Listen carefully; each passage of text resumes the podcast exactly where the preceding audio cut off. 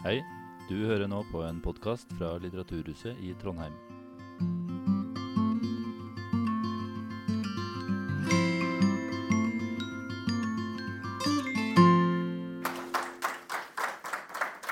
Takk, takk. Jeg vil ønske velkommen jeg òg, fra ILU sin eh, side, da.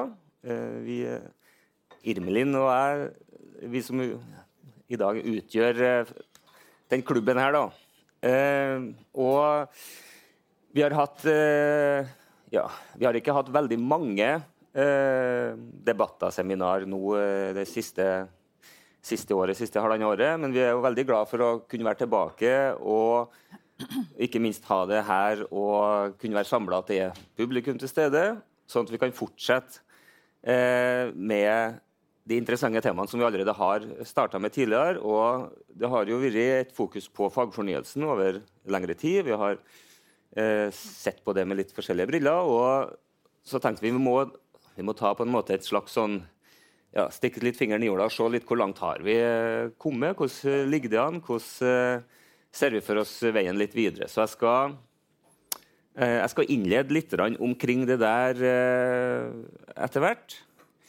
Eh, og så videre litt sånn praktisk info, så tenker vi at vi skal, vi skal innlede litt vi oppå her etter tre kvarters tid. Til kvart over ni så blir det en, en pause. Så kan vi fylle på med litt mer eggerøre og kaffe. Og så åpner vi opp for litt spørsmål i den siste halvtimen. Så vi ønsker gjerne at dere eh, stiller spørsmål til hvem det skal være av oss. Vi, vi har jo prøvd å sette sammen eh, panelet her fra litt ulike deler av eh, ja, det som har med fagfornyelsen å gjøre. da. Sånn at dere kanskje lurer på noe som, eh, som kommunen kan svare på fra administrasjon, eller fra rektor, rektornivå, eller fra den som underviser. Så vi er veldig åpne for spørsmål, så kan vi ta litt tak og, og snakke litt eh, rundt det. da. Og Det blir den siste halvtimen, så da, dere får spare spørsmålene til da. Men eh, jeg tenker dere skal få lov å presentere dere litt sjøl først, så dere blir litt kjent med dem, så dere vet litt hvem det er vi eh, har med å gjøre her. Så vi kan starte med deg, Yvonne. Ja. Uh, Yvonne Abriksen heter jeg. Og jeg er universitetslektor uh, i norsk. Uh, jobber på Institutt for lærerutdanning. og så har jeg en kombinert stilling, noe som innebærer at jeg også underviser i videregående skole. Så på Institutt for lærerutdanning så har jeg norsk didaktikk og praksisoppfølging. Og på videregående så har jeg én klasse på VG2 i historie og norsk i år. Og så har jeg litt sånn FoU-tid um, i tillegg, så da holder jeg på med litt sånn ulike prosjekter. Men det ene prosjektet um, har handla om uh, noveller og fagfornyelse. Uh, så jeg har jobba med fagfornyelsen og på mange ulike vis, da, kan man si. Ja. Takk. Skal vi gå videre bortover panelet? Der? Lars Finnbø heter jeg. Eh, rektor på niende året nå på Hoeggen ungdomsskole, som er en eh, relativt stor eh, ungdomsskole i Trondheim med drøyt 400 elever. Eh, som sagt niende året. Eh, før det så var jeg lærer i ca. 20 år, så lang fartstid i skolen. da. Eh, så sitter jeg i tillegg i et studieprogramråd på NTNU, eh, på GLU der. Eh, veldig interessant å se også fra lærerutdannerperspektivet. Eh, også med fokus på fagfornyelsen. Og så eh, sitter jeg en del andre utvalg og en arbeidsutvalg for rektorene. sånn, så vi jobber nå ganske bredt. Men det er jo Trondheim kommune som er den definitive det er arbeidsstedet, da, egentlig. Tok du meg midt i kaffedrikkinga her? eh, Jannike, Ja, vær så god. takk. Eh, Jannike Akse heter jeg. Jeg jobber som konstituert kommunalsjef skole i Trondheim kommune. Jeg da, eh, har da personalansvar for alle rektorene og eh, samarbeider med de i henhold til faglig utvikling og, og det som, alt det som handler om Trondheimsskolen. Akkurat for I lang tid nå så har det handlet mye om smittevern. Eh, og så har jeg ja, Før jeg ble konstituert, så jobbet jeg i kommunedirektørens fagstab. eh, I hovedsak på grunnskoleområdet. Um, innen spesielt skolemiljø og spesialundervisning.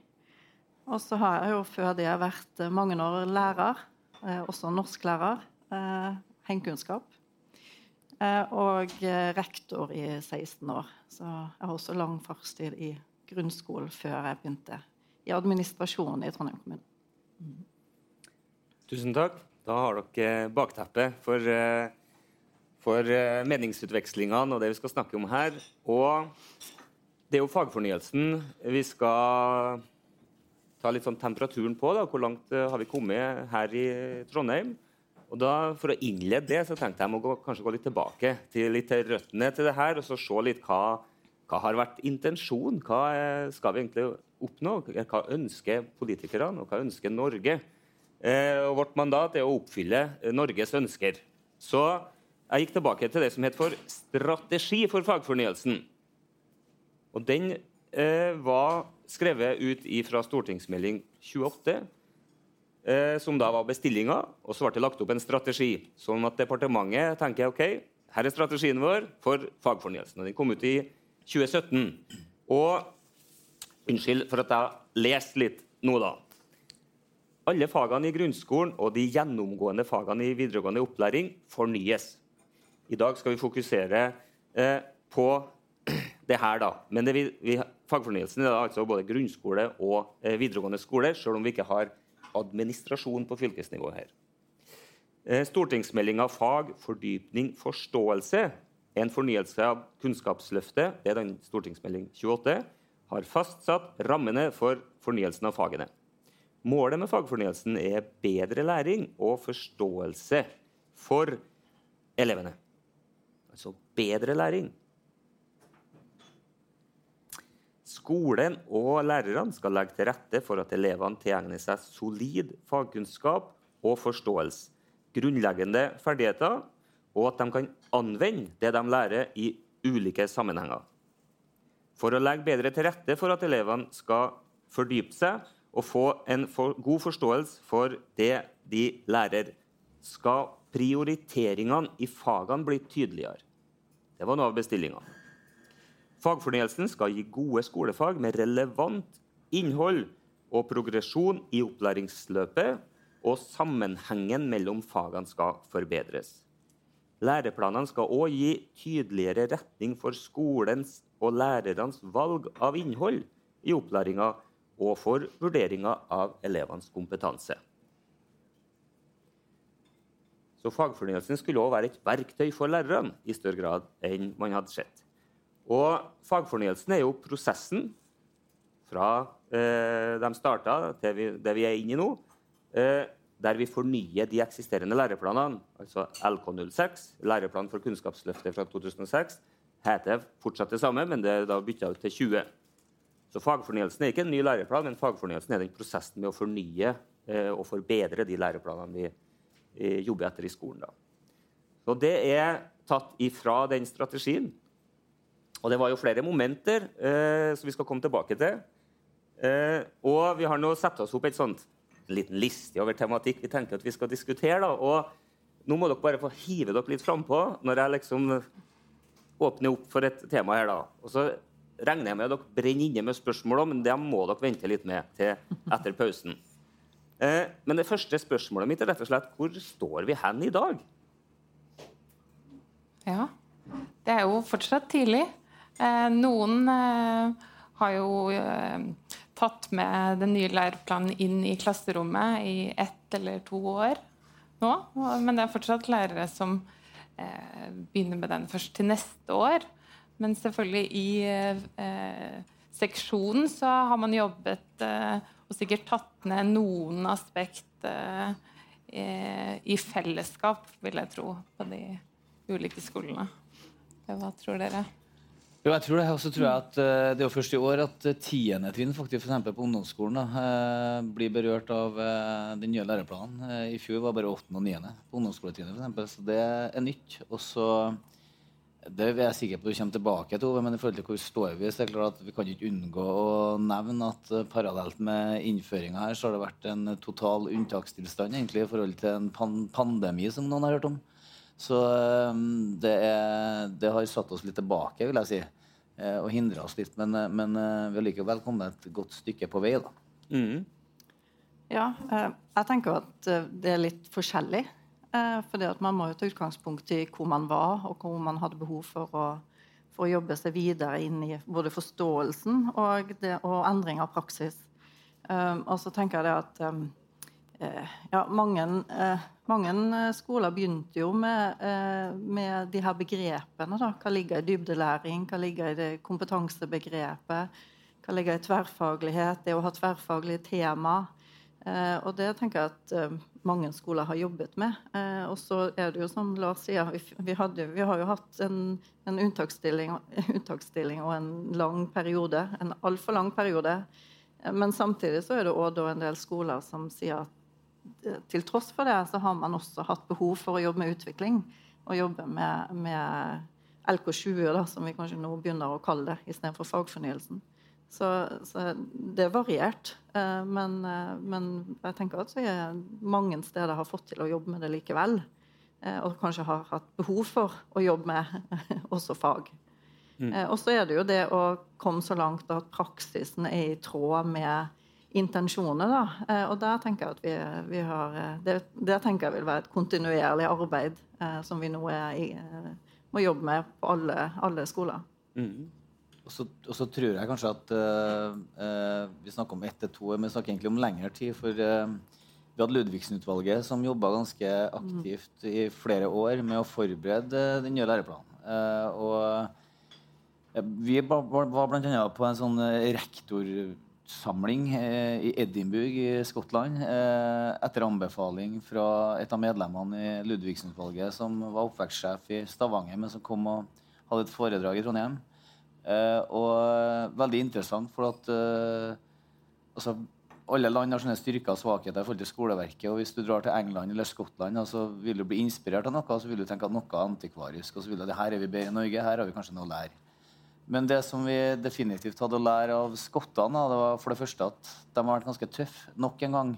Eh, I forhold til England, da, som er veldig teststyrt og konservativ i forhold til mye i engelsk skole og engelsk skoleverk. Men Skottland har tatt et oppgjør med engelske testregimet egentlig, og sagt at dette vil vi vinke farvel til.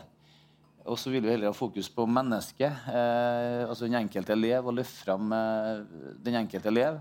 Og Derfor har de innført noe som heter social skills, som er rett og slett en vurdering av hvem er du som menneske, i tillegg til hvem du er rent faglig. Eh, og Det var veldig inspirerende å se hvordan, for du må se i konteksten som skottene har levd under, da, med egentlig eh, en del av det engelske styret og underlagt et testregime. Så er de brutt med å løfte liksom, blikket og løfte fram hjertet. på en måte. Det var veldig inspirerende. Og parallelt med det så klarte de å, å se at ikke bare hjerte og mennesker skal løftes fram sammen med fagene, men vi skal faktisk også eh, eh, se sammenhengen mellom fag, som vi helt sikkert kommer tilbake til. Men, eh, men, det tverrfaglige perspektivet var de flinke til å løfte fram. Så det var inspirerende å være der. og Jeg hadde med faktisk hele personalet mitt på veien over etter der igjen for å hente inspirasjon. og da var vi faktisk litt i forkant. For det er fire år siden, fire og et halvt år siden. Så det, vi var litt i forkant av det hele.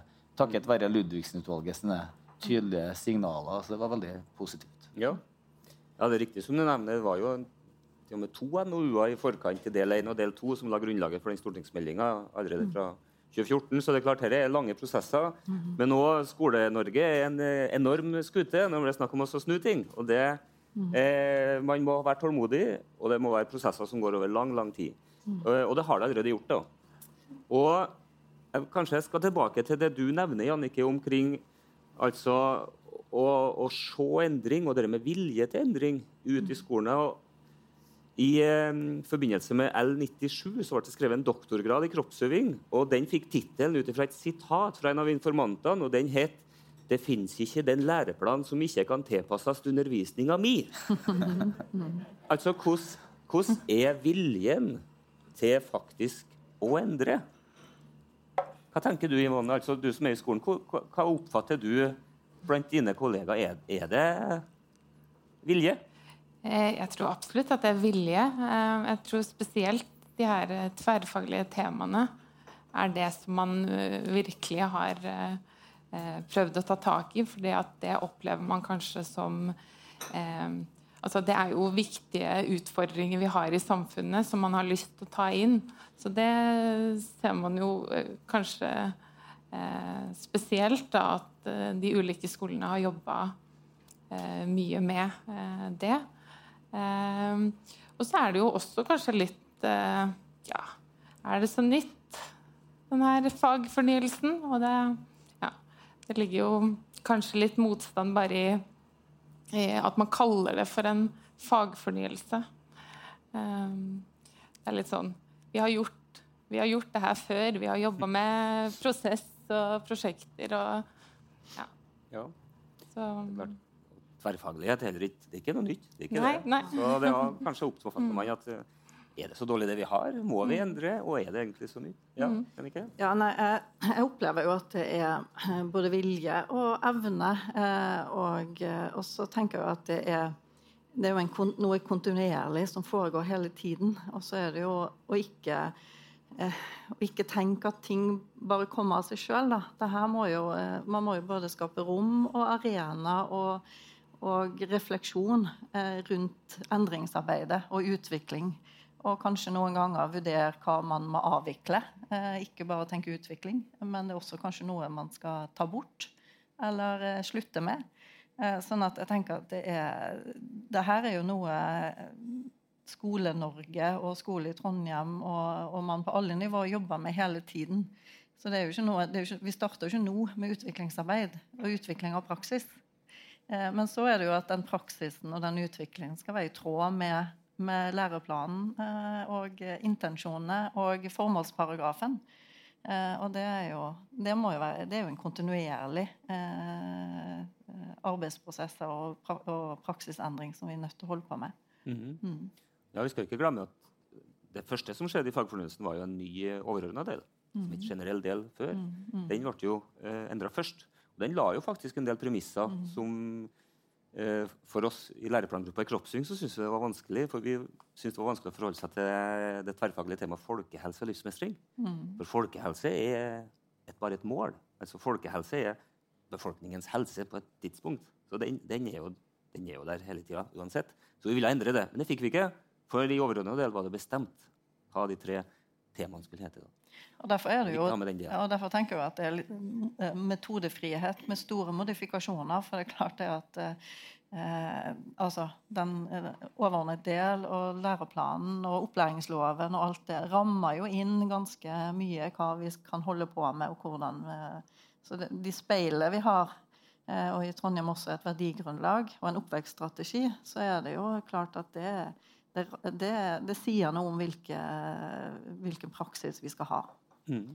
Lars, du skal få slippe det med det før vi skal gå videre på eh, neste spørsmål. Hvordan, hva, opplever du i eh, organisasjonen i forhold til vilje, vilje og ønske og forandring? Så viljen er der, men eh, vi skal ikke eh, underslå at eh, i skolen så utviklingsarbeid tar tid. Eh, en tommelfingerregel er, er små skritt. Eh, og du har spydspisser i et personale som er veldig ivrig og vil fram og ta inn over seg nye og, og endre praksis, men så har du andre som tviholder mer på det man alltid har gjort. Jeg hadde jo selv en kollega da jeg var lærer som hadde norsk og fransk, en av nestorene på min forrige skole. og hun sa bestandig at når rektor hadde prøvd å inspirere han og komme med nye innspill til endring av ting, så jeg gjør noe som jeg alltid har gjort, det. hun. Og det holdt hun for så vidt fast på. Men det er klart du har den kategorien, og så har du andre som jeg sier som er spydspisser. Så du vil ha en Kall det en, en strekk i laget, eller i forhold til inngang til ting. Og, og her er såpass stort, eh, og endringene er såpass svære, både på et metanivå, konkret ned i, i det som skjer i fagene i klasserommet, at, at det vil ta tid. Og det må vi bare anerkjenne, og det må vi respektere. og tror jeg at, jeg tror at nå må vi ta noen lengre skritt, men samtidig må, må skritt fortsatt være metoden og filosofien. For hvis vi skal lykkes med ikke bare en implementering, men en, en uh, institusjonalisering av fagfornyelsen og ikke minst hele læreplanen, så tror jeg at vi må, vi må ta oss god tid. Og så må vi få med oss alle sammen, og, så at alle skjønner at dette her er mye gode tanker. Det jeg tror, er at alle som er ansatt i skolen, er enige at tankene er gode. Få et innhold i fagene som er opp og går i forhold til det samfunnet vi er en del av. Uh, en rivende utvikling. Vi ligger, vi ligger så langt bak elevene våre på ungdomstrinnet i forhold til hastighet og tempo når digitale hjelpemidler. I hvert fall på en del av det. Og, eh, og, sosiale medier og deres liv er så totalt forandra i forhold til hvordan det var når vi gikk på, på ungdomsskolen. Eh, at det må vi ta inn over oss, og da må vi, eh, det må vi anerkjenne. Sånn at, så jeg tror alle ønsker velkommen mye av tankegodset, men vi må ta oss tid. Mm. Mm. Det er bra. Jeg syns det er interessant å høre at dere har vært ut, ut og kikka. For man har jo i Skandinavia en tendens til å tenke at vi er utrolig flinke på skole, og at alle kikker til Skandinavia, at vi er de aller, aller beste. Men man kan faktisk lære en del, ikke minst av å se hva man ikke liker. Men kanskje prøve å trekke ut ting, aspekt fra uh, hvordan undervisning foregår i ulike kulturer og kontekster. Uh, så det er fint. Det er litt om hvordan vi tenker vi står i dag. Og man kan jo si Vi har på en måte nettopp starta, og f.eks. VG3 har jo ikke starta ennå. De starter jo neste år. Så mm. hvordan i alle dager skal vi eh, sette standpunkt før vi egentlig har starta? Men det er ikke et standpunkt her, da. Det er en temperaturmåling. Eh, men jeg tenkte vi kan, om vi kan gått inn på noen sånne mer konkrete prosesser som på en måte setter i gang eh, eh, Hva er satt i gang? Hva på en måte har skjedd i, i skolen eh, her? Eh, kanskje fra, fra administrasjonssida. Hva på en måte har vært prosessene, hva har vært litt sånn strategien til kommunen i forbindelse med å føre, føre fagfornyelsen inn? Ja, for, for uh, Trondheim kommune så har det jo vært, har det jo vært samlinger i henhold til ulike deler og elementer i overordnet del. vurdering, ja, elevmedvirkning, Eh, og det som ligger i forståelsen av de ulike, ulike delene. Og så har vi jo eh, den desentraliserte eh, kompetansehevingordningen da, med, med, ulike kompetansepakker. Og så vet jeg også at man har på mange skoler også hatt brukt det her som ligger på til ressurssidene på direktoratet.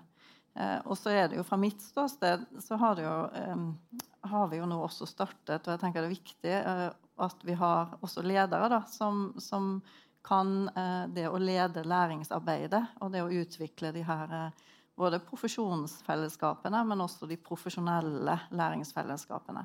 Så det tenker jeg at det, det er på ulike nivåer da, at vi, vi må lære oss eh, læreplanen, og, og, vi må lære oss å endre praksis. Og det må vi gjøre på forskjellige nivåer. Så det, det, fra mitt ståsted så blir det da viktig at, at lederne i Trondheimsskolen kan å lede eh, utvikling og læringsarbeidet som må til for å få til endring helt ut i, i klasserommene. Mm. Mm. Har du noen innspill? Hva, hva er på, hvilke prosesser er i gang? Ja, jeg får litt lyst til å nevne universitetsskolesamarbeidet òg, når man snakker om profesjonsfellesskap. fordi det skjer jo eh, litt spennende ting eh, med at man lager til litt større eh, læringsfellesskap òg når man eh, har FoU-arbeid eh, på tvers av skoler og med studenter og forskere og lærere. Eh, fordi at jeg tenker jo at det handler jo om eh, det her profesjonsfellesskapet har jo blitt viktig i overordna del. Og det handler jo om å ta ned en læreplan som er veldig åpen. Eh, så ehm, eh, Det var én ting jeg hadde lyst til å nevne. Eh, en annen ting jeg hadde lyst til å nevne, det var det her med Altså LK06 var jo en sånn her literacy-reform, ofte omtalt som. Og det handler jo da om å liksom gå inn i um, de her grunnleggende ferdighetene, og det har man jo gjort litt sånn eh, Altså man har begynt å skjønne at det er liksom ulike sånne eh, faglige diskurser hvor man, eh, hvor man, har noe som er litt sånn fagovergripende, men spesielt det her fagspesifikke eh, er jo eh, blitt viktig. Uh, og um, uh, jeg, jeg, tenker liksom at eh, man må gå eh, et steg videre nå med fagfornyelsen og den nye læreplanen. At man kommer dit at eh, eh, man tar tak i mer kjerneelementene. ja. Så det er jo en prosess nå hvor man har vært veldig opptatt av kompetansemål. Eh, eh, ja, og så må vi prøve å snu det litt over til at vi blir mer opptatt av kanskje eh, kjerneelementene også. Mm. Ja. ja. Jeg å spinne litt videre på det du sier. for jeg tror at uh, Mange skoler står i en prosess nå der man diskuterer hvis du skal lage et system på skolen for hvordan du skal legge opp undervisninga. Skal du ta utgangspunkt i kjerneelementene eller kompetansemålene eller vurderingskriteriene? eller Hvor skal du begynne hen? Hva skal stå øverst på den stigen? Hvordan skal du gjøre det? Der, og det er Bare den diskusjonen i seg sjøl tror jeg får fram mye gode perspektiv og ikke minst og, og diskusjoner på skolene som jeg tror er synd at vi får. da, Bare så synd at vi ikke har mer tid til den type aktivitet i hverdagen. Eh, men, eh, men, utover det så tror jeg at det er veldig mye bra som er i gang da, eh, på skolene. Jeg tror at veldig mange har jobba nå med, med tverrfaglige årsplaner. Istedenfor at du planlegger skoleåret ut fra fag, så må du også skotte, samarbeide med andre fagene, sånn at du faktisk får lagt opp en årsplan som, der du har, har, de samme temaene i flere fag på samme tidspunkt, istedenfor å spre dem utover. Da, gjennom det kanskje du får til større grad av dybdelæring. Jeg tror at uh, både på elevsida Og det har man gjort veldig flott i norsk skole i mange år fra før, men kanskje blir man litt mer bevisst at samarbeidslæring, altså det å jobbe sammen, firegrupper, potensialet som ligger i den type uh, arbeidsformer, det tror jeg mange er i gang med og, og har fått på en måte støtte og anerkjennelse for at det er en måte å gjøre det på. altså Samarbeid mellom elevene, så ikke man isolerer elevene for mye hver for seg i læringssituasjonene. Og så tror jeg at det akkurat det samme skjer på lærernivå. at jeg har et dokument her som heter Trondheimsskolen. Laminert, som er.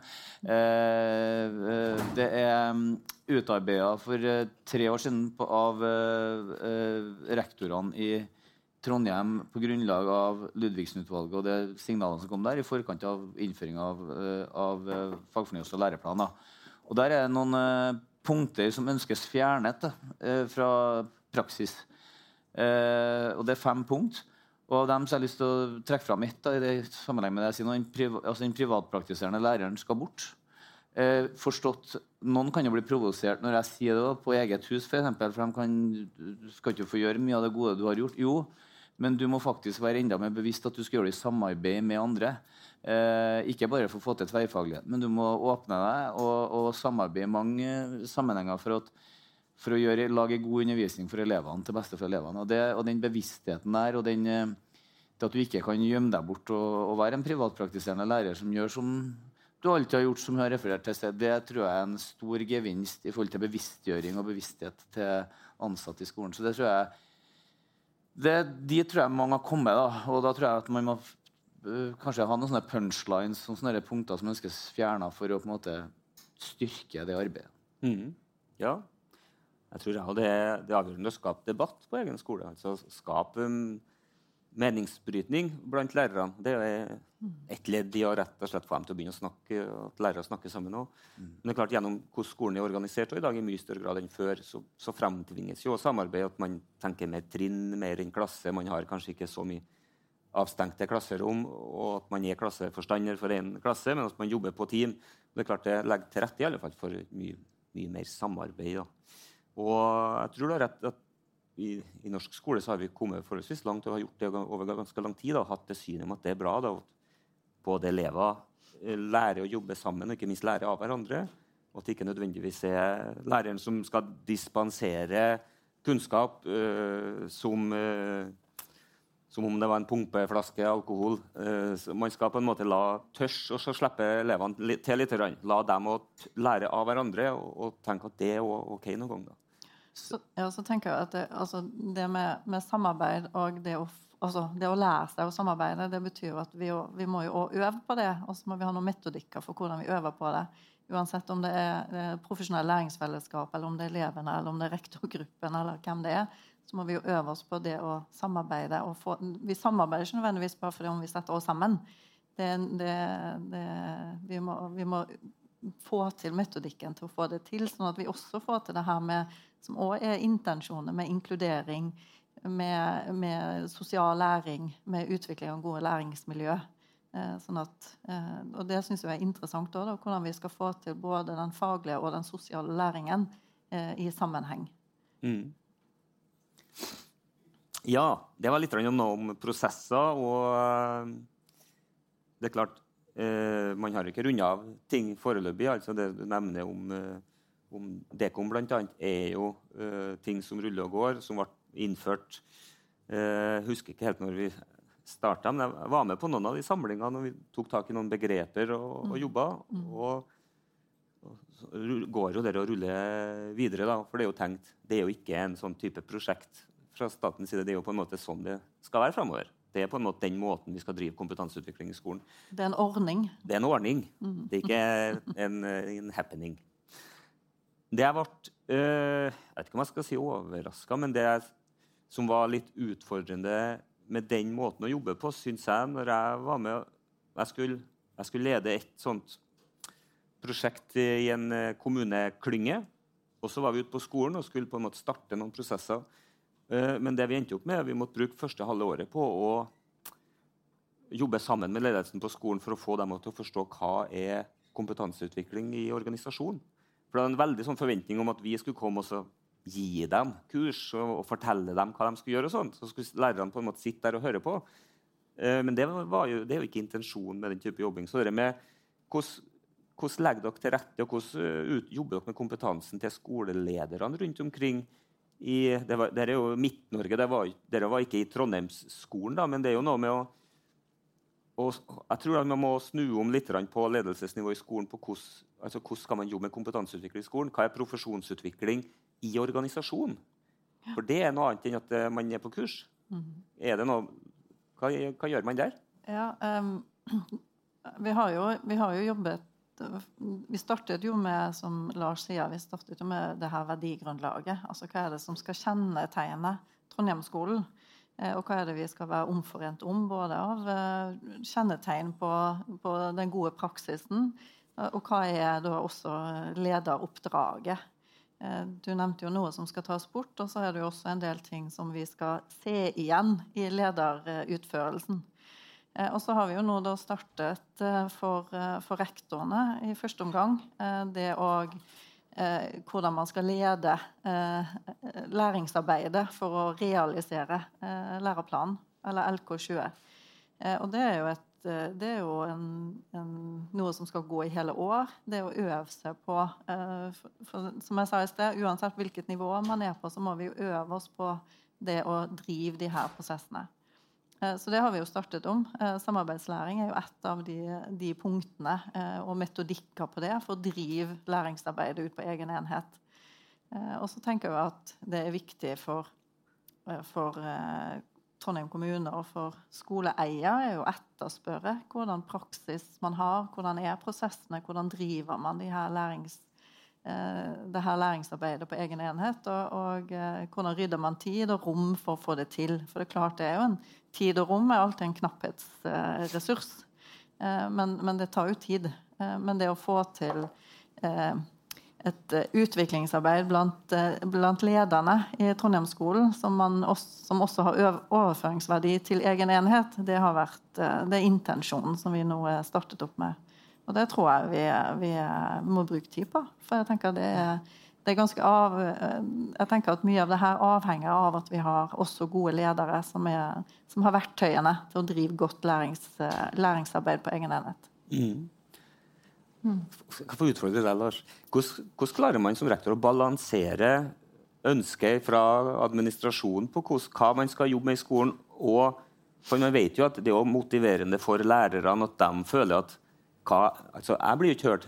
Vi, vi, liksom, vi, skal ikke utvikle og jobbe det jeg føler jeg trenger å heve min kompetanse på. Hvordan klarer man på en måte å balansere det der? For som du sier, Det er begrensa tid til å jobbe med uh, utvikling i organisasjonen. Hvordan balanserer man det der? Det er en av de store utfordringene som skoleledere skoleleder å på en måte prøve å få til det her. Da. Det er kjempevanskelig. En vanskelig balansegang. Eh, og tid er jo nevnt som en utfordring, men jeg tror at, eh, jeg tror at driven og positiviteten som finnes i, i, et personal, er såpass eh, stor at det gjelder å ta vare på den. Altså, men det handler mye om timing, selvfølgelig. Eh, det handler mye om, eh, om hvordan man selger inn. Og så er det selvfølgelig eh, det med hvordan vi rigger oss og, og i forhold til tid og sånn. Men jeg tror at jeg tror, jeg tror at vi, det går framover med norsk skole. Jeg tror at Forskninga er ganske entydig på at vi står som stolpediagram og viser hva lærer lærere hvordan får lærere mest påfyll. Da? Kompetansepåfyll, f.eks. Jo, det er et stolpediagram som skiller seg at de lærer best av hverandre.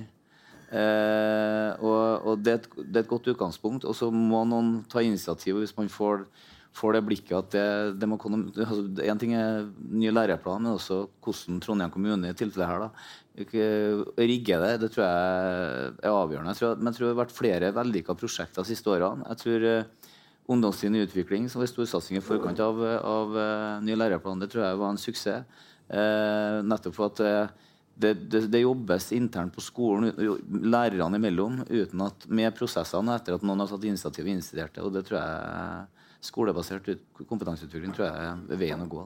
Og det er jo mm. det kom bygger på. Så det er jo. Ja, det er det. Ja. Nei, jeg, jeg, vil litt tilbake til det mm, jeg prøvde å si noe om i stad. Det her med faglig Eller det mer fagspesifikke. For en ting jeg har tenkt litt på, er eh, kanskje eh, spesielt kanskje på ungdomsskolen, så eh, kan det jo være at man må rigge seg litt eh, annerledes også for å få til kanskje et mer faglig samarbeid.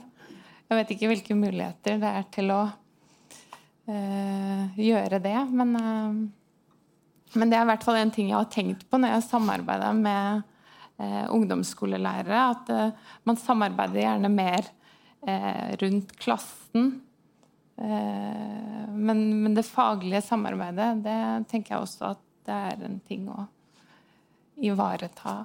Absolutt. Ja. Der har jo uh, f.eks. satsinga på lærerspesialister som skal være fremst blant likemenn og drive en seksjon, syns jeg er et spennende prosjekt. Ikke for at du uh, nødvendigvis at du skal ha noen som skal løftes fram, men enkeltpersoner, men nettopp for å løfte kollektivet. For jeg tror at det kan fremme noen, eh, noen faglige diskusjoner i seksjonene som jeg tror er veldig nyttig, og som kan bidra til å løfte seksjoner hvis det gjøres på riktig måte. Men i skoleverket så er vi veldig kritiske til, ny, til, endring, til, nye ting, men vi er kritiske.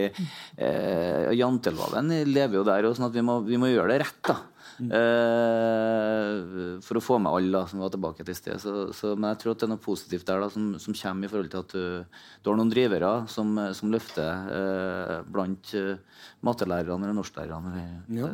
Mm. Nå er jo den ordningen skrota, ja. Mm. Dessverre. Ja, det vil en del si. Eh, Men vi har, lov å, vi har lov å videreføre den på egen skole for det, hvis vi vil. Og det kan vi jo bruke, og det tror jeg mange skoler som gjør. Så Man får se om det, om det kommer noe alternativ ja. eh, til det, kanskje. Det vi, kanskje vi, hadde jo også tenkt at noen av de skulle ha noe ansvar i henhold til Trondheim kommune. sånn at vi har jo ja. Mm. Vi har noen, noen utnyttet potensial der da, som vi ikke har fått det det. kanskje brukt sånn som vi hadde tenkt. Mm. Blant annet kritikken som, for den rapporten, evalueringsrapporten kom jo nå etter at de hadde skrota det. De torde ikke å vente på å se hvordan det egentlig sto til, før regjeringa tenkte her må vi skynde oss å sette stempel på noe så vi ikke blir glemt med det første. Mm. Det var noe av kritikken, annet, at de som da hadde gått gjennom dette, fikk, de følte seg litt sånn, uh, lite tilgodesett med faktisk tid til å utøve det de skulle gjøre. da. Kanskje de fikk en 2-3-4% av stillingen til å være driver i sitt fag. ikke sant? Og det, De følte nok at det krevdes litt mer tid enn akkurat det. Så det var noen utfordringer. så jeg håper kanskje at det kommer noe alternativ. Men det, det er klart det er lov å, det er lov å gjøre noe sånn lokale initiativ. Mm. À la lærerspesialist, kanskje. Ja. Skal Vi se, vi skal etter hvert ta, ta, en pause, men vi har noen flere spørsmål. Vi har, jeg hadde et spørsmål om hvor skoen trykker. Eh, men vi har jo vært inn på noen eh, ting, kanskje. Det har jo vært en kjempestor eh, pandemisk sko som har liksom holdt oss litt ned. så vi jeg tenkte vi skulle snakke litt om det, da, det, eh, om vi gjør det nå før pausen eller etter. Men bortsett fra det, da. Det var en del som har sagt at det var veldig upraktisk å ha en pandemi når vi skulle ha eh, fagfornyelsen. Det var dårlig timing. Det var litt dårlig timing. Eh, men bortsett fra det, da. Hva, hva tenker Kanskje du skal få starte. Hva, på en måte, hvor trykker skoen? Ja, eh, tid har jo blitt nevnt her som et sånn nøkkelbegrep, kanskje. Men eh, også spesielt det her med lærebøker, tenker jeg.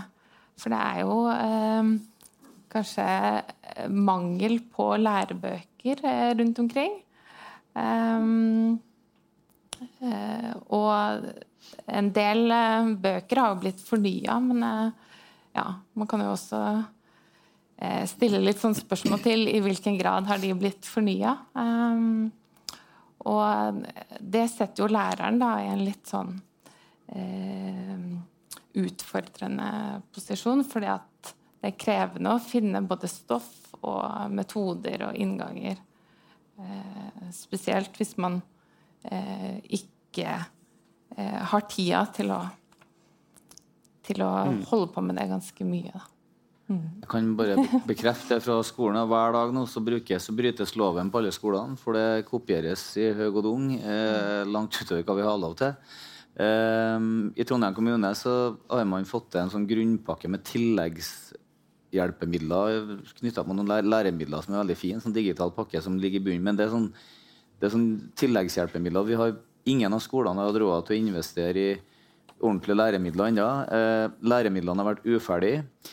Hvis du skulle klokka to år tilbake, så, så uh, var det veldig sånn fy-fy til den analoge læreboka. Jeg opplever at uh, situasjonen er helt endra nå. Nå er det veldig mange i skolen som ser at en hybridløsning sannsynligvis med både noen gode analoge lærebøker kombinert med tilgang på digitale læremidler er viktig.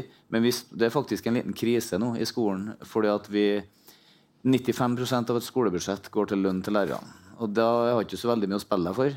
I Trondheim kommune så har vi anslått at vi trenger 180 millioner eh, fordelt på skolene for å sette oss i stand til å ha en forsvarlig og god nok pakke med læremidler for å anvende læreplanen. Eh, Foreløpig har vi ikke fått noen ting. Vi har fått noe som tilsvarer eh, kanskje 3,5 millioner. og Sånn. I tillegg til den grunnpakken som jeg synes bare som støttehjelpemidler. Så, så, så, det er en krise faktisk akkurat nå, og da blir ikke det er såpass alvorlig at eh, den innføringa av ny læreplan på en måte, den blir eh, hindra eh, ganske kraftig i mangel av læremidler. Og det er rett og slett trist at det ikke følger, følger bevilgninger til en så omfattende endring av både innhold i fag, overordna del og hele greia vi skal anvende. Så jeg opplever det som kritisk faktisk akkurat. Og det er veldig bra at du sier om det er den største utfordringa definitivt. For det er en den, det er en langt større endring nå enn eh, L97 f.eks. Sånn at, eh, eller Kunnskapsløftet 97 og 06. Så, så dette er en langt større endring. og Hvis vi skal mene noe mer her, så må politisk nivå faktisk bevilge de pengene som er nødvendige, så at vi faktisk får iverksatt det på en ordentlig måte. Mm. Mm. Ja, jeg er enig i det. Det er, det er, ikke bare på det nivået, men det handler jo også om lærerutdannere. Som mange av oss er jo produsenter av akkurat disse læremidlene. Men i vår organisasjon så er det heller ikke noe som verdsettes. Altså, det er ikke du får på en måte litt mer igjen av å skrive vitenskapelige artikler enn å skrive lærebøker, for lærebøker er ikke poenggivende i systemet. Så du, du på en måte er litt sånn i skvis. Du har lyst til å bidra med å skrive kanskje gode lærebøker, men så må du av og til prioritere tida di annerledes i forhold til uh, at det er det som på en måte teller mer i det systemet vi er i. Da. Så det er en uh, litt sånn kompleks uh, prosess. Men det er klart, jeg tror det er viktig, som du sier, altså, det er en del nye ting i, gjennom fagfornyelsen som er litt annerledes enn, enn mellom L97 og K06. Bl.a. det med tverrfaglig tema. altså hvordan, hvordan skal lærerne jobbe med det? Da holder det ikke bare å ha lærebøker i, i, egne fag, men man må finne læremidler som på en måte legger til rette for god, god læring hos elevene på det. da. Ja. Mm. Ja, jeg tenker at vi, jeg tror vi kan være veldig enige om at vi skulle gjerne hatt mye mer midler til, til både læringsressurser og læremidler. Eh, og så tenker jeg at det handler også om nasjonalt nivå. Når man gjør sånn, en såpass eh, stor endring eh, som er krevende for Skole-Norge å få, få til, og så er det jo interessant, tenker jeg, nå etter eller vi, kan, vi, kan ikke si etter pandemien, men i løpet av pandemien, når vi, vi kanskje startet med en sånn, nesten litt sånn digital revolusjon mange steder og, og lærte oss mye. Og, og før eh, covid-19 år så var vi veldig opptatt av som du sier, de her digitale, det, det, digitale og digitalisering og det å få til læringsressurser som var, som, som var eh, støttende i læringsarbeidet. Og så har vi jo kanskje sett noen i løpet av perioden en endring til at vi også tenker at vi må ha det analoge, eller læreboken og læremidler og de fysiske og konkrete, ikke bare digitalt. Og det tenker jeg er litt sånn interessant at man også ser verdien og kanskje hensikt, når det er hensiktsmessig å bruke forskjellige ting. Eh, og så er det jo et altså regnestykke hvis vi har ca. 22 000 elever i Trondheimsskolen og én bok til hver, det er nesten 10 millioner. Så det er klart at størrelsesorden her er så stor eh, at, eh, at når vi da faktisk er ute og handler lærebøker, eh, så må vi vite at de er gode. Det har de ikke alltid vært. Og vi må vite at vi bruker de i tråd med intensjonen i læreplanen. Sånn at vi ikke vi, det, er mye, det, er så mye midler at vi kan ikke bruke de til å finansiere gammel praksis. Nei. Det må være fordi at vi skal fornye praksisen også. Eh, sånn at det, det, er et komplisert arbeid. Eh, og det er kanskje først nå lærebøkene i utgangspunktet er, er sånn, som, sånn, som, man ønsker i tråd med, med læreplanen. Det har jo gått en vei, det òg.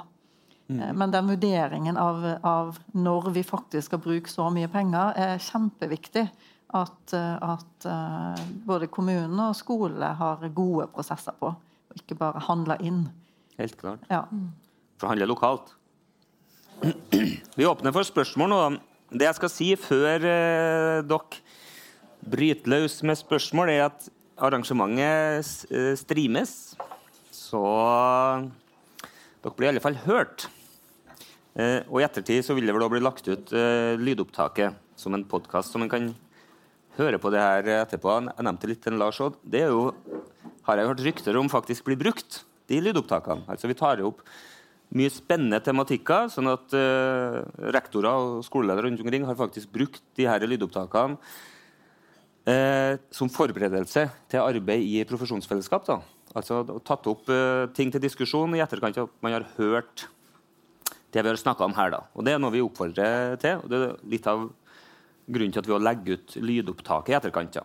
Men det streames òg direkte, så det sitter nok en hel verden og, og følger med. Så ha det i bakhodet når dere stiller spørsmål, at dere ikke sklir utpå noe som dere ikke kan stå inne for. Ja, da hadde det ikke blitt så interessant. Det sto med små skrift på den første mailen. Nederst. Bak fram.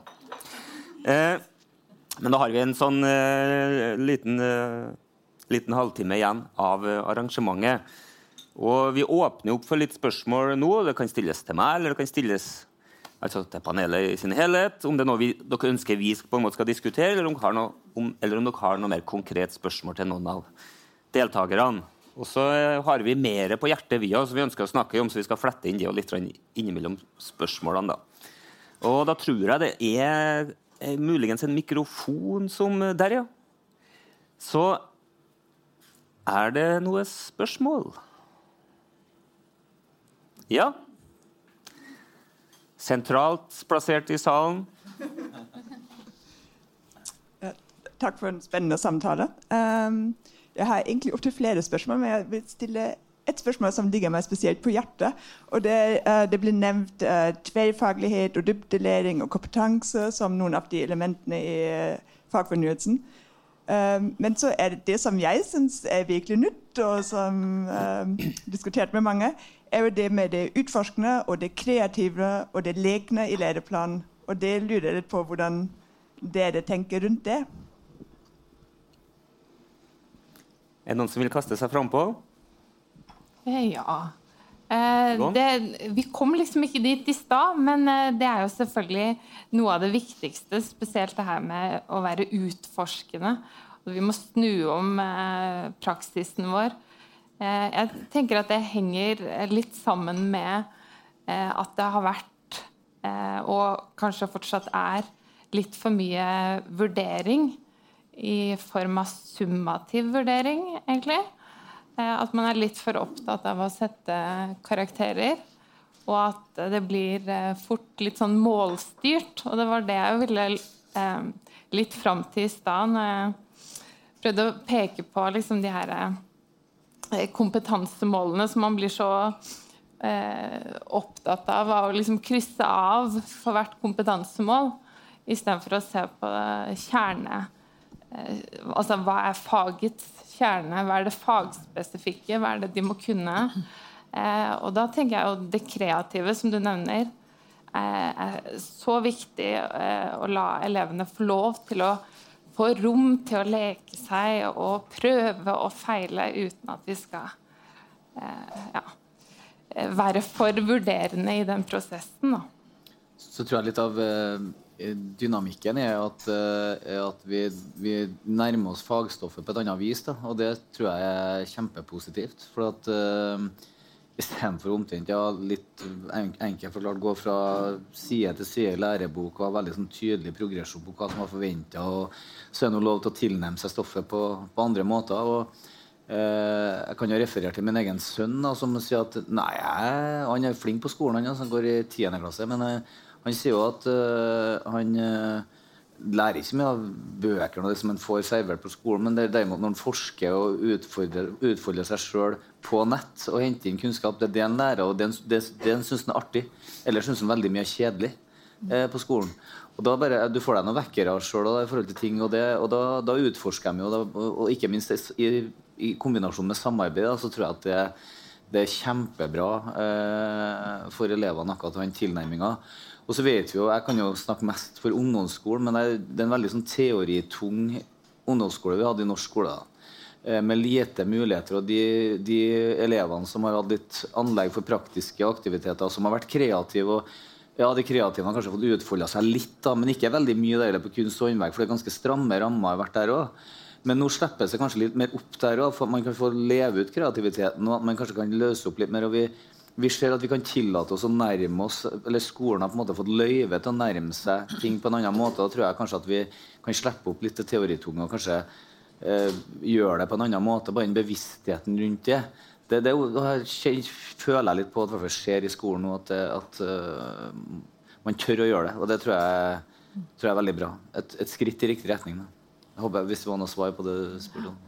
Jeg tenker jo at det er, Nå er det sikkert mange ting vi ikke har fått snakket om, eh, men akkurat det der tenker jeg også en sånn um, Det å ha en, ha en, praksis og det å tørre å slippe opp for undring og for, altså det å utforske uh, og ha, å ha, et læringsarbeid og læringsprosesser som, som, legger til rette for det, tenker jeg er, uh, både vil øke læringen og gjøre, og, gjøre både skolen mer praktisk og variert, men også at det blir mer motiverende. Og så tror jeg det vil eh, også, er jo også med å utvikle ferdigheter vi trenger. Vi trenger jo utforsking og innovasjon og problemløsning og, og, og de her ferdighetene, og da må vi jo øve på de.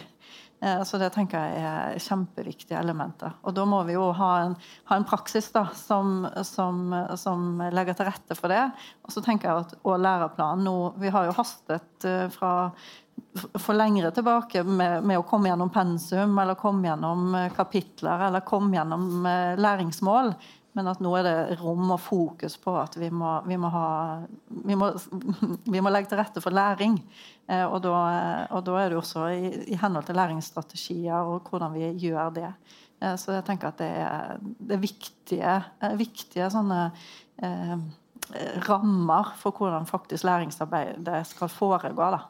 Eh, det tenker jeg. Det, og da må vi ta, både ta oss tid til at læring skjer, og, eh, og ha praksis som, som fyller det. Mm. Mm. Det, det, er oppløftende å høre. Nå husker Jeg jo at jeg hadde jo ikke presentert meg sjøl engang eh, i starten. Men jeg er en representant for de praktiske og estetiske fagene i skolen. Både gjennom mange år jeg var lærer, men også på lærerutdanninga er jeg jo på seksjon for kroppsøving. Og de praktiske estetiske fagene i skolen er nå da, den siste delen av den sånn femtrinns evaluering. Den evalueringspakken som direktoratet har for fagfornyelsen, har kommet til den siste pakken nå. og Det er de praktiske estetiske fagene som skal startes, evalueres mellom 22 og 25. Mm. Eh, så jeg hører hva dere sier. Men frykten min er nok at for det er blitt sagt før, og det ble til og med sagt i stortingsmelding 28, at de praktiske estetiske fagene de skal prioriteres så til de grader. Og så ser man at det fortsatt er viktig å ha alle de tentamenene, så dere må ut av gymsalen og så videre og så videre. Altså praksisen på å prioritere, og ikke bare prioritere de praktiske estetiske fagene, men å prioritere tanken og innfallsvinkelen til læring som man jobber med i de praktiske og estetiske fagene inn i andre fag ser vi at der er det lang vei å gå ennå. Altså den, både den praktiske og den estetiske tilnærminga til læring i, på tvers av fag. Vi kjempa jo og har gjort det i flere kamper om å få motorisk kompetanse som den sjette grunnleggende ferdigheten. Altså motorisk ferdighet ønska vi inn som en grunnleggende ferdighet. Det spilte vi inn i, når det ble gjort der i 06, og vi gjorde det nå i 020, men det fikk vi ikke gjennomslag for. da. For det ønska vi. At det hadde gjort oss i kroppsøving å få en mer praktisk tilnærming til læring i alle fag. Og legitimitet for å gjøre det. For det blir fort gjort Nei, vi må jo, vi må jo se i boka. Vi kan ikke bare nappe hale. Jeg skal ikke gjøre så mye av det her, da. Eh, flere spørsmål? Skal vi se der først, og så skal du få etterpå. Ja, dette egentlig sånn videreføring av det her. Hvis disse nye tingene vi skal gjøre mer Men hva skal vi gjøre mindre av? Du var inne på det i stad. Det er jo en del ting vi driver med i norsk skole som vi vet kanskje ikke er så hensiktsmessig for elevenes læring. Så i tråd med fagfornyelsen, hva tenker dere at vi kanskje skal legge i skuffa eller bruke mindre tid på? Ja. Jeg, jeg vil si eh, lange eh, forelesninger. Eh, eh, de må kortes inn betraktelig. Og så tror jeg man må ha en sånn, eh, sånn inngang til ting at en del av puggevirksomheten og eh, det å isolere seg alene, som vi snakka om i forlengelsen og det, reduseres til fordel for utfoldelse sammen og en annen inngang til lærestoffet. Så det er mye sånn korte svar på det. Mm. Ja, det henger jo litt sammen med det her med vurdering. Altså karaktersettinga, den summative vurderinga, kan vi gjøre mye mindre av. Ta oss mer eh, frihet og rom til å eh, utforske ting. Eh, og det er jo det som også vil være liksom, det nye i fagfornyelsen. Hvis, hvis eh, elevene har en induktiv tilnærming til det de skal lære seg, istedenfor at det er liksom noe som skal komme Eller noe de skal bli fortalt. da. Eh, men at de heller skal ta utgangspunkt i, i, i sine erfaringer og finne ulike måter å løse eh, problemet på. Så eh, mindre forelesninger og kanskje mer modellering og eksempler og ting som inspirerer i skolen. Okay. Så tenker jeg på all den tida som er brukt i norsk skole på retting av norsklærere som har sittet med x antall tekster. Det fins og retta seg i hjel. Det fins mange måter å gjøre det på. Eh, jeg vet du har jo eksempler selv fra når en norsk seksjon har fått beskjed fra kanskje en, fra en forsker fra NTNU lignende sagt, som stiller kritiske spørsmål. Må dere ha sju tekster i en mappe her?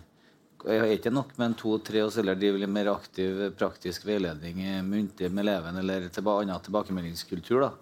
Og da har det gått opp et lys. Det kan vi gjøre, ja, det kan man selvfølgelig gjøre. Men man går fort i skolen i, i gamle, i gamle tralten og gjør som man har gjort lenge, og så, og så blir det litt sånn reproduksjon. Så jeg tror jeg veldig, Det er kanskje det beste som skjer nå, at du får et nytt blikk inn i hvordan vi holder på i større grad enn før, og kanskje et litt mer kritisk blikk som kanskje fører til en positiv endring. Da, i, i, så måte så får vi brukt tingene på ting som er nyttige. Og kanskje bare det å snakke med elevene da, uh, istedenfor å sitte timevis og rett. Det er jo mye mer nyttig for en lærer. det, bare sånn man må også gjøre en del retting, og man slipper ikke unna det hvis man skal vurdere, men, men det er noe med, med hvor mye, da. Ja. Mm. Mm. Det er, det er liksom på, på, flere nivåer, tenker jeg. det. For jeg er veldig enig i henhold til det, hvordan man har eh, innlæring, og hvordan man eh, Ja, altså om man har fremlegg, eller om man har eh, aktiviteter og eh, aktive aktiviteter blant elever. Og, og vurderingsarbeidet tenker jeg har sittet mye med rette bunker sjøl. Eh, men, men, jeg tenker også det handler litt sånn Hvis man løfter seg på et, på et litt sånn kommunalt eller et nasjonalt nivå, så tenker jeg òg at eh, det handler noe om hva er det skolen, hva er samfunnsmandatet, og hva er altså Skole er ofte et sånt tiltak for all slags utfordringer. Altså, I samfunnet så er skolen stedet ting skal uh, gjøres eller endres, eller der man Det er på en måte der man skal innfri mange av de utfordringene. og det, kjenner, det, tenker jeg man kjenner på, på både på på, lokalt på skole, men også som kommune, at man, man, må, man må, noen gang gjøre noen prioriteringer. Eh, og hva er mandatet og oppdraget, eh, sånn at eh, skole kan, kan innfri det, og ikke ha for mange føringer og prosjekter og, og, oppdrag i tillegg. Så jeg tenker Det er også en del av ryddejobben. Eh, og så er det jo den enkelte som må vurdere hvilken, også hvilken praksis må, må avvikles for å få til eh, eventuelt eh, endring og ny praksis. Men jeg tenker mm. det, det, om, det er en stor diskusjon som handler om flere nivåer. tenker jeg. Eh, og det, er jo, det blir jo liksom også kommunens ansvar å passe på at skole får, får jobbe med det som er oppdraget.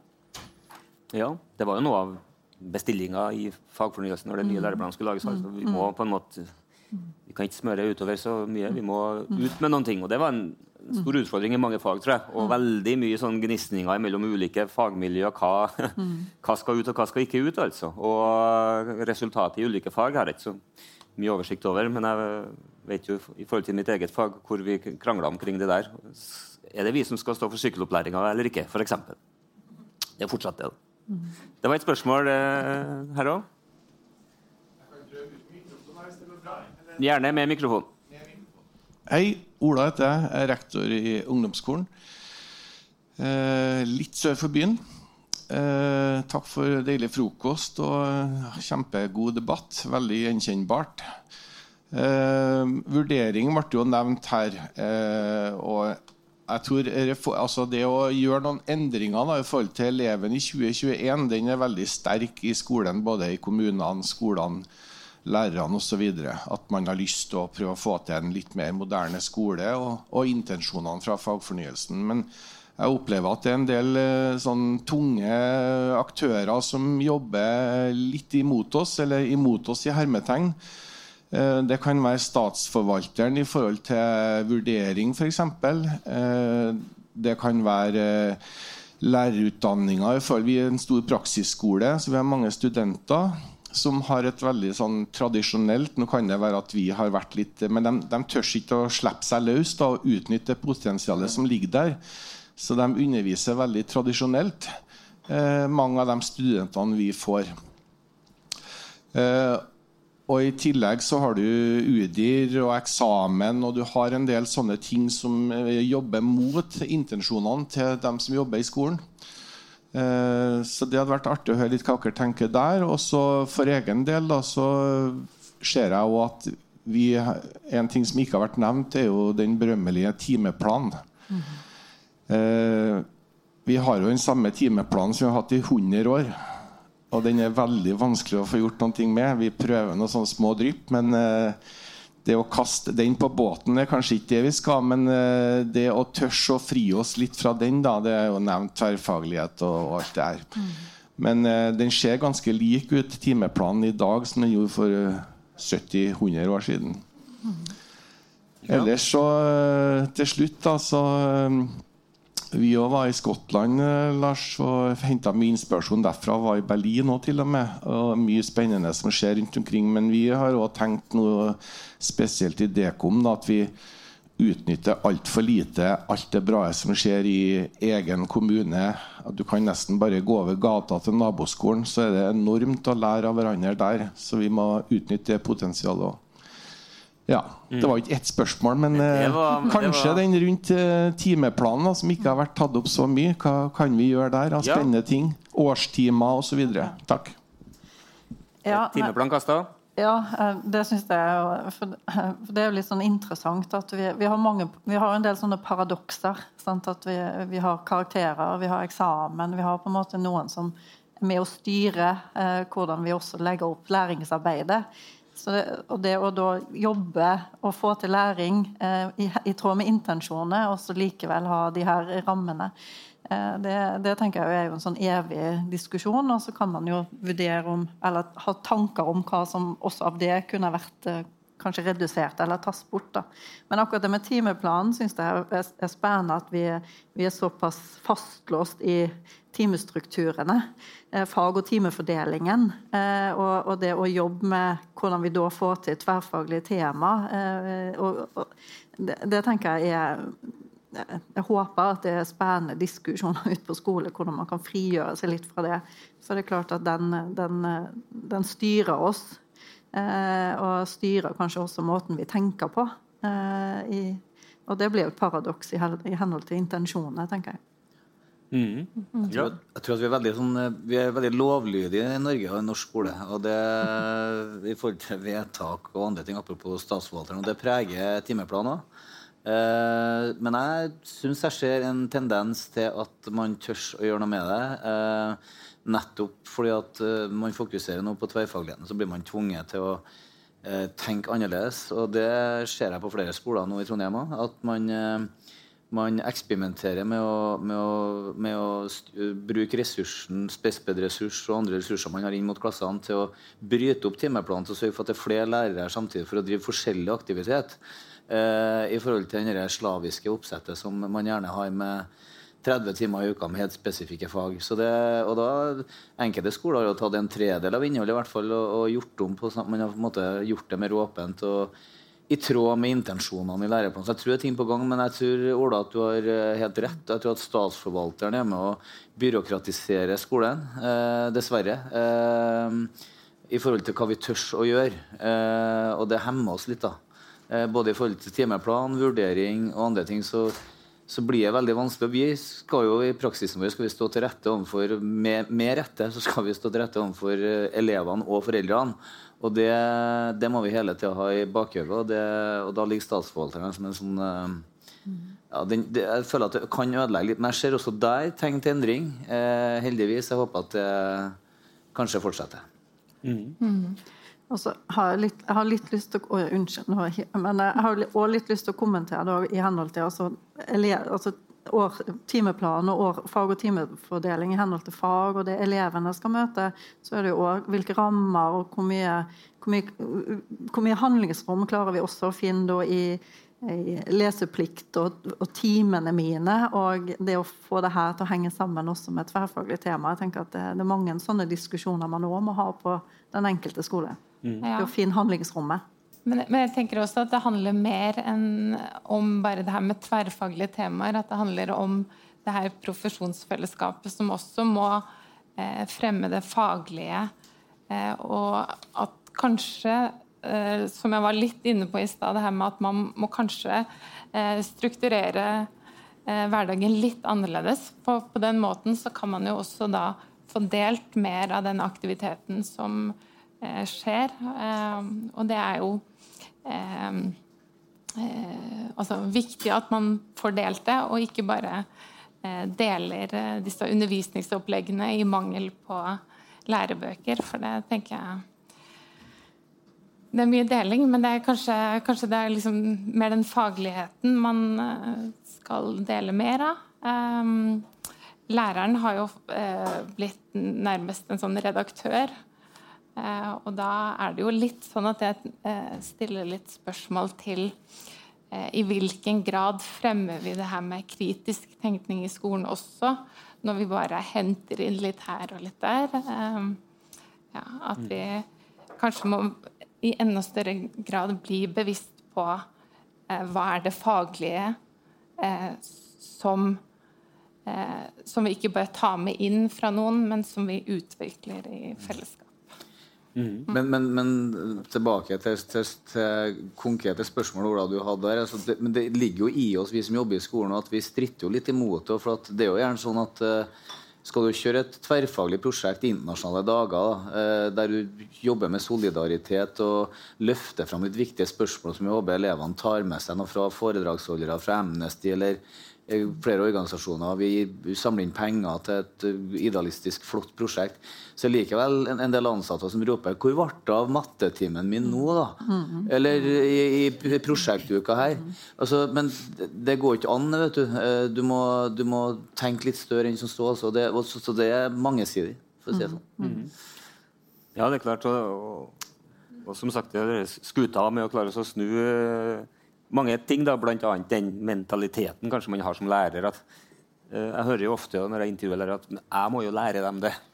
Altså, Å stole på at læring foregår på mange ulike måter.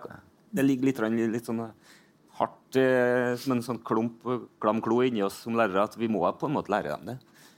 Uh, så håper jeg også at det med, noe av intensjonene bak det med tverrfaglige tema er at det ikke skulle bli sånn folkehelseuka eh, check. Altså det må på en måte på et systemnivå gjøres og legges til rette for at det er et tematikk som jobbes med. Eh, ikke bare sånn ukevis og stykkevis og delt.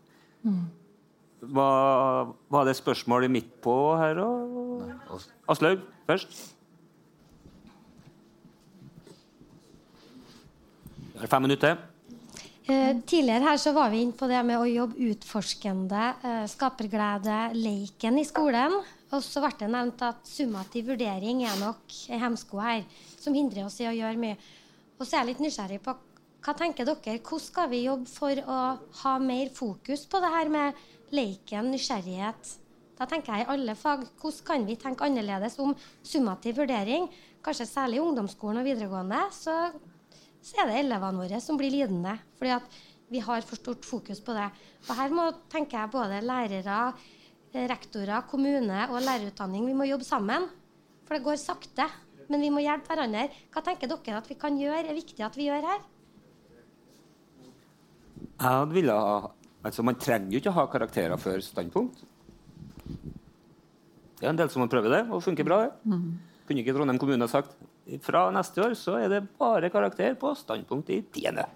Altså, Klæbo ungdomsskole Vi har jo hatt eh, for noen år tilbake eh, Nå er jeg litt usikker på praksisen nå, men de hadde en rektor som nå er leder for fagenheten i Trondheim kommune. Men, men i hvert fall for tre år siden så var han på besøk til oss i hvert fall, og fortalte om deres fokus på å ha en karakterfri skole, bortsett fra terminvurdering i januar og juni som er pålagt, og selvfølgelig sluttvurdering i, på tiende trinn. men og det var meget interessant. Og jeg tror det er litt sånn Jeg tror det gjelder å åpne øynene til flere skoler, skoleledere og lærere for at det er mange veier til Rom, og i hvert fall mange flere veier enn summativ vurdering. Så jeg tror bare en bevissthetsendring eh, er med å hjelpe i forhold til det. da. Eh, og se at det faktisk er mulig. Og jf. eksempelvis det om å redusere fra sju-åtte tekster i Nå er kanskje mappene på vei ut, da, men fortsatt er det litt sånn metodikk det òg. Men fra sju-åtte tekster til kanskje tre, eller snakk med, med elevene, bryte opp, gjøre det på andre vis, andre aktiviteter. så må vi nesten tenke oss. tenker jo at eh, Det er jo litt sånn som vi snakket om i sted, og det her med å, å eh, tørre eh, å få til den formative vurderingen. da, og Hvordan gjør vi det, og hva betyr det for praksis, og hva er det da vi må endre på? Eh, og så tenker jeg at jo, det ville vært spennende om vi hadde, om vi hadde gått inn om sånne forsøk. da. Eh, og det har vi jo også diskutert, og, og, og tenker at det er eh, det er spennende. Og så tenker jeg at det, det er den ene siden av det, men så er det jo vurderingspraksisen da, som faktisk må være, og være i tråd med intensjonene. Hva som ligger i underveisvurdering, hva ligger i formativ, hva betyr det i vurderingsformene vi har.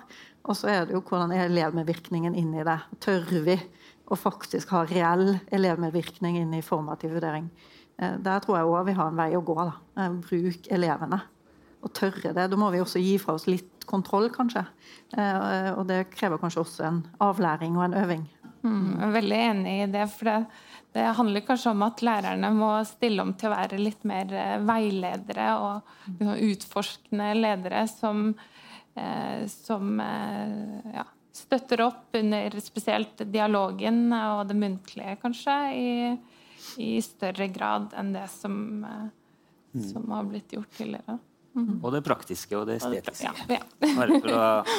Og så har de praktiske og estetiske tilnærming i alle fag, ikke bare i de praktiske estetiske fagene. For jeg tenker det, det er litt sånn viktig at ikke vi tenker at, det, at skolen skal bli mer praktisk variert, handler bare om praktiske estetiske fag. Nå måtte Jeg bare, jeg skjønner du har en kjepphest på det, de fagene, men, men det er jo i alle fag Ja. man må ha den Ja. tilnærmingen. var, jeg, jeg sa det i sted. Ja, ja, men Altså, understreke Praktisk, estetisk tilnærming til læring. Ja, Ja, det er vi er enige i. Ja, Mm. det er viktig. Vi skal Klokka er her. Klokka ti. Vært en veldig interessant eh, formiddag. Eh, god mat og, og drikke. Og tusen takk til Litteraturhuset, som, som lar oss eh, gjøre dette her, her. Så håper jeg at dere som har møtt opp òg, syns det her har vært interessant. Og som en takk til dere som var så snill og stilte opp, Så skal dere få et uh, lite gavekort. Takk. Vær så god. Tusen takk. Vær så god. Så Ja. Jeg sier takk for oppmøtet.